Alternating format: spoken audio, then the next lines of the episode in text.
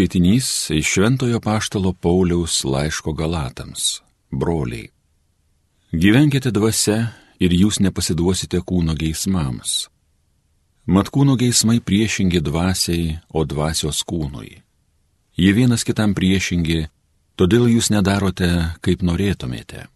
Bet jei leidžiatės dvasios vadovaujami, jūs nebesate įstatymo valdžioje. Kūno darbai gerai žinomi Tai ištvirkavimas, netyrumas, gašlavimas, stabmeldystė, burtininkavimas, priešiškumas, nesantaika, pavyduliavimas, piktumai, vaidai, nesutarimai, susiskaldimai, pavydai, girtavimai, apsirijimai ir panašus dalykai. Aš jūs įspėju, kaip jau esu įspėjęs, jog tie, kurie taip daro, nepaveldės Dievo karalystės. Dvasios vaisiai yra meilė, džiaugsmas, taika, kantrybė, malonumas, gerumas, ištikimybė, romumas, susivaldymas. Tokiems dalykams nėra įstatymo, kurie yra Kristaus Jėzaus. Tie nukryžiavo savo kūnus su aistromis ir geismais. Jei gyvename dvasia, tai ir elkimės pagal dvasę. Tai Dievo žodis.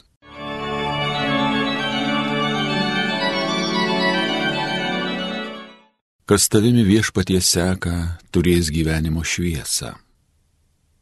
Laimingas, kuris neklauso piktų patarimų, nestoja į paklydėlių kelią, nesėdi su neprausta burniais, viešpaties mėgsta teisyną, masto jį dieną ir naktį. Kas tavimi viešpatie seka, turės gyvenimo šviesą. Jis kaip tas medis prie upelio sodintas, duos gerą vaisių metų atėjus nevysta jo lapai, visi darbai jo sėkmingi. Kas tavimi viešpatie seka, turės gyvenimo šviesą. Netaip su bedieviais, netaip, jie kaip pelai sklaidomi vėjo, į teisiųjų gyvenimo kelią viešpats žiūri maloniai, o kelias bedievių į pražūtį veda. Kas tavimi viešpatie seka, turės gyvenimo šviesą. Alleluja.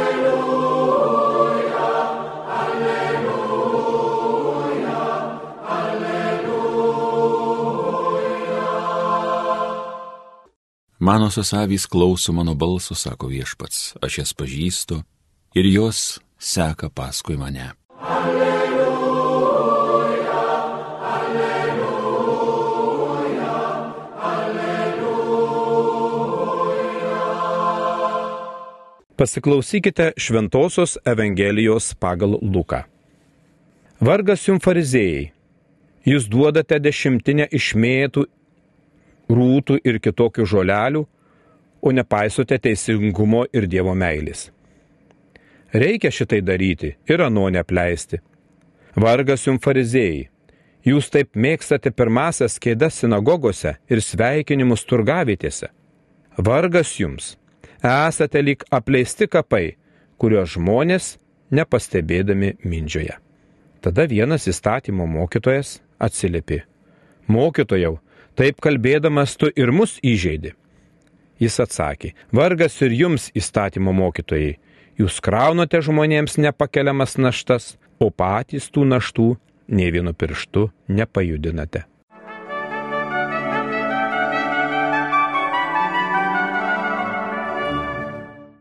Mili broliai sesės Kristuje, mili Marijos radio klausytojai, brangus tikintieji, Ką tik išgirdome trumputę ištrauką iš Evangelijos pagal Luką 11 skyriaus.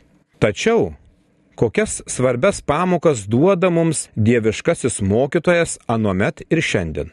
Pirmiausia, jis kalba apie aukojamą dešimtinę išmėtų, rūtų ir kitokių žolelių. Tai yra apie prievolę, kurią fariziejai stropiai atlieka. Bet kartu priekaištauja jiems, kad jie nepaiso teisingumo ir Dievo meilės. Jėzus šį mintį apibendrina sakydamas, reikia šitai daryti ir anu nepleisti. Jėzus smerkia fariziejus, nes jie ignoruoja svarbesnius reikalavimus - tai yra parodyti meilę, gerumą ir kuklumą.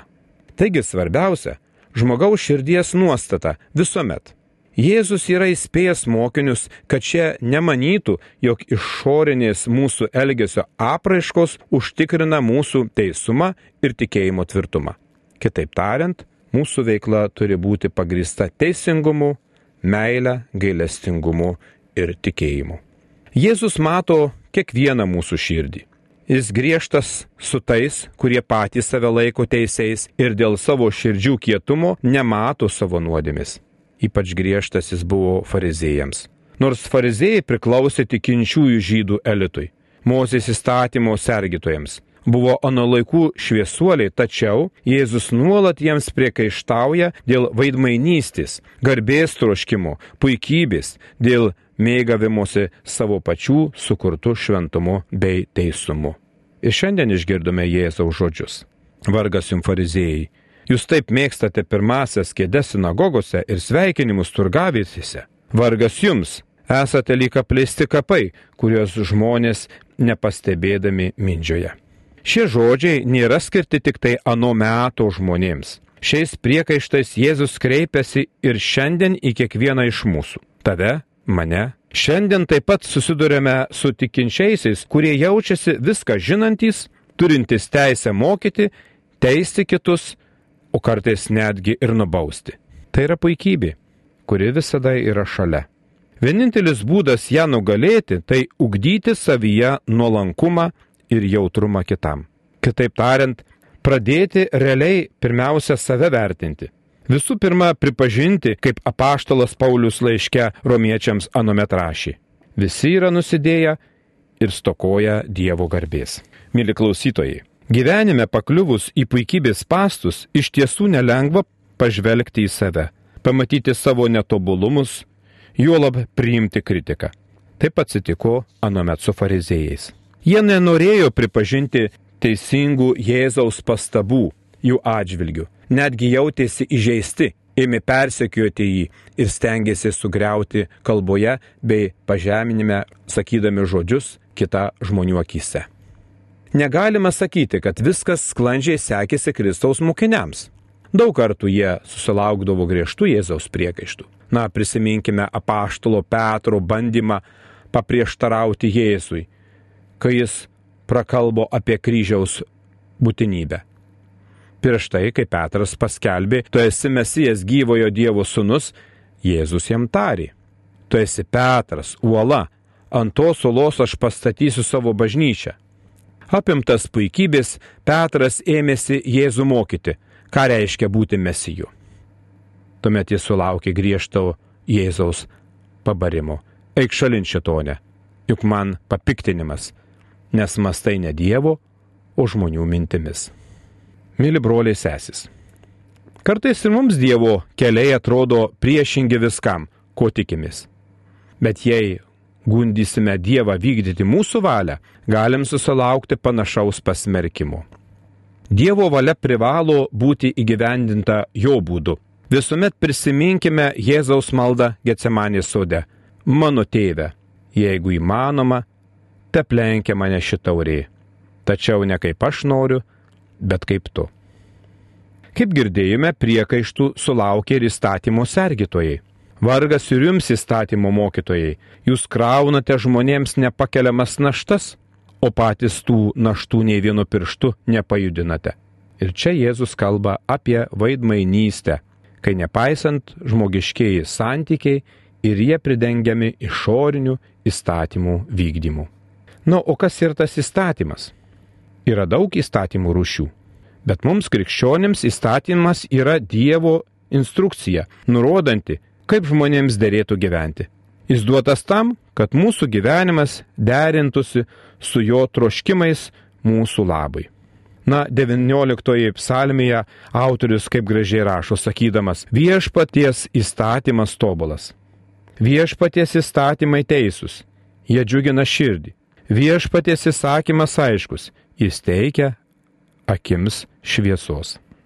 Anuomet žydai vadovaudamiesi įstatymu, kurį Mozė gavo iš Jahvės ant Sinajaus kalnų, tačiau žydai juos papildė savais ir Jėzaus laikais jie turėjo daugiau nei 600 griežtų religinių įsakymų, kuriems jie privalėjo paklusti tam, jog būtų ištikimi Dievui. Bet Jėzus griežtai kritikavo fariziejus, nes jie paslėpė tikrąją Senojo testamento įstatymo esmę po savo pačių sukurtomis religinėmis taisyklėmis ir nurodymais, kurie turi neva vesti prie Dievo. Taip jie vertė garbinti įsakymą, bet ne Dievą. Tad, mėly klausytojai, mes turime viešpaties paliktą įsakymą, kurį turbūt gerai žinome, bet pakartosiu. Mylėk viešpatį savo Dievą, visa širdimi, visa siela, visomis jėgomis ir visų protų, o savo artimą kaip save patį. Taigi jis padeda mums gyventi teisingai ir dorai, o taip pat padeda suprasti mūsų tikėjimo esmę, kad Dievas myli mus ir jis nori, kad mes mylėtume jį bei savo artimą. Amen.